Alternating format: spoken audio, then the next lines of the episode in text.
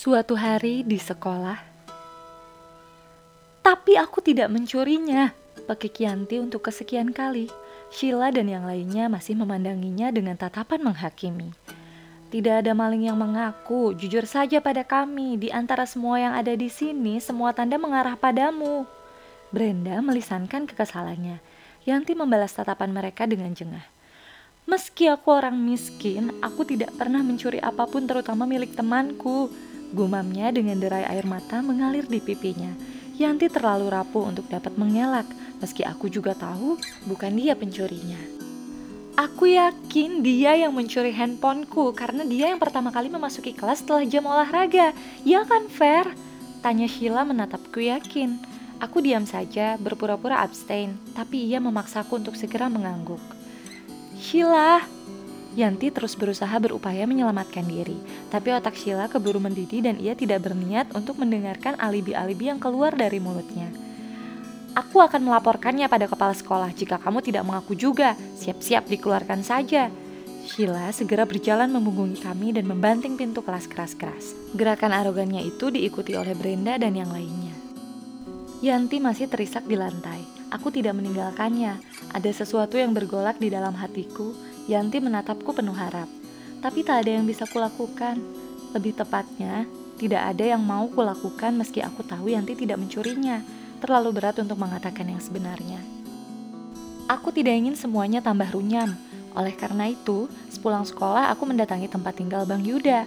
Bang Yuda sudah cukup terkenal dalam hal menjual beli ponsel ilegal termasuk ponsel Sheila yang kucuri dari tasnya kemarin. Untung saja uang hasil penjualan ponsel Sheila belum kugunakan. Aku tidak menyangka bahwa mereka akan semudah itu menuduh Yanti. Meski seharusnya aku merasa senang karena tidak menjadi yang terduga sama sekali. Sheila memang tidak akan menuduhku karena aku dianggap sahabat baiknya. Hah, seandainya saja Sheila tahu apa yang kulakukan, maka ia pasti tidak akan mau berteman denganku lagi. Eh, Neng Vera, mau jual handphone lagi? Bang Yuda menghampiriku.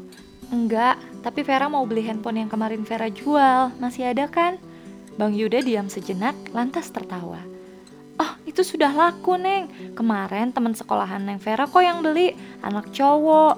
Apa? Aku membelalakan mataku. Tak percaya, mungkin sebentar lagi mataku akan keluar demi menunjukkan keterkejutanku. Namun reaksi Bang Yuda datar-datar saja. Iya, gak lama setelah Neng Vera pulang, dia datang. Tapi dia gak nanya kapan barang itu ada atau siapa yang jual. Langsung dibeli aja dengan harga dua kali lipat. Uh, saya sih seneng. Aku menelan ludah. Asli, hidup sebagai pencuri benar-benar tidak membuat tenang. Dan aku menyesal, sangat menyesal. Terlebih semua ini merugikan orang-orang yang ada di sekelilingku. Terutama Yanti, apalagi Sheila. Dan lagi, siapa orang yang telah membeli barang itu? Mampuslah aku. Kalau misalnya dia tahu, dia tentu... Ah, Bang Yuda masa nggak ingat siapa yang waktu itu datang ke sini? Hmm, seingat saya sih namanya Putra kalau nggak salah. Mampus. Kenapa harus Putra? Sumpah deh, dia adalah murid tetangga kelas kami. Putra sudah sejak lama menyukaiku, namun aku selalu saja menolaknya.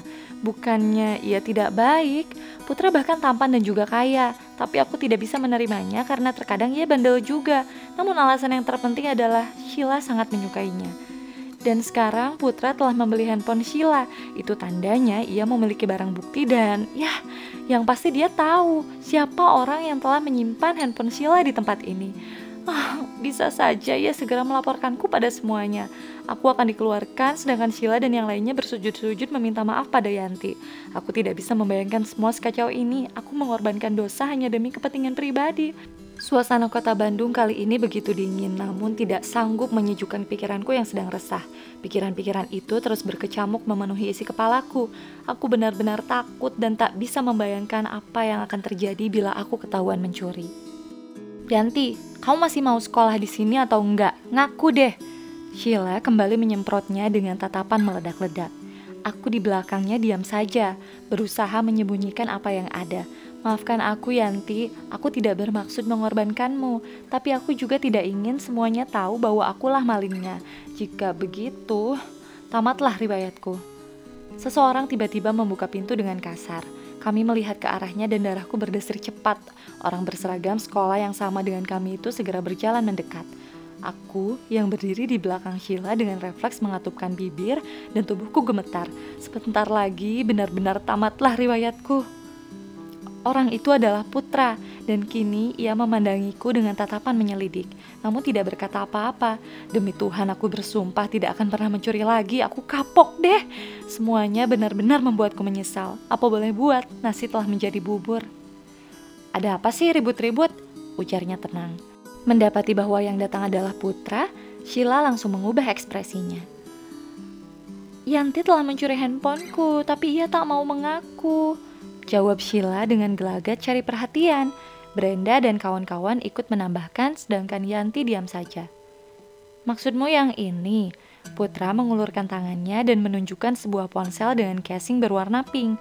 Ya, itu dia ponsel Sheila. Aku harus bersiap-siap. Mungkin sejak kemarin Putra memantauku dan kini ia akan mengumumkan bahwa akulah malingnya. Sheila membatu. Ia dan yang lainnya memandang Yanti dengan tatapan merasa bersalah. Namun Yanti tetap tidak berkomentar apa-apa. Putra melayangkan tatapan teduhnya ke arahku, namun aku hanya buang muka karena malu. Jangan menuduh sembarang orang. Aku yang menyembunyikannya kemarin. Maafkan kejahilanku ya. Maaf juga Yanti, kamu jadi kena batunya. Dan untuk Vera, kamu mahir sekali berakting. Kamu tahu aku yang mengambilnya dan kamu bisa jaga rahasia. Thank you ya. Semua orang saling berpandangan satu sama lain. Ah, Putra benar-benar seperti malaikat. Aku ulangi ya, seperti malaikat. Meski tidak ada malaikat yang menyembunyikan sebuah kebohongan. Putra kemudian berbalik meninggalkan kami dengan tetapan mempertahankan rasa percaya dirinya. Namun, ketika matanya beradu pandang denganku, ia tersenyum arogan seolah melecehkan. Rasa takut, malu, dan tidak enak ini lantas berakhir saat terdengar suara putra menutup pintu.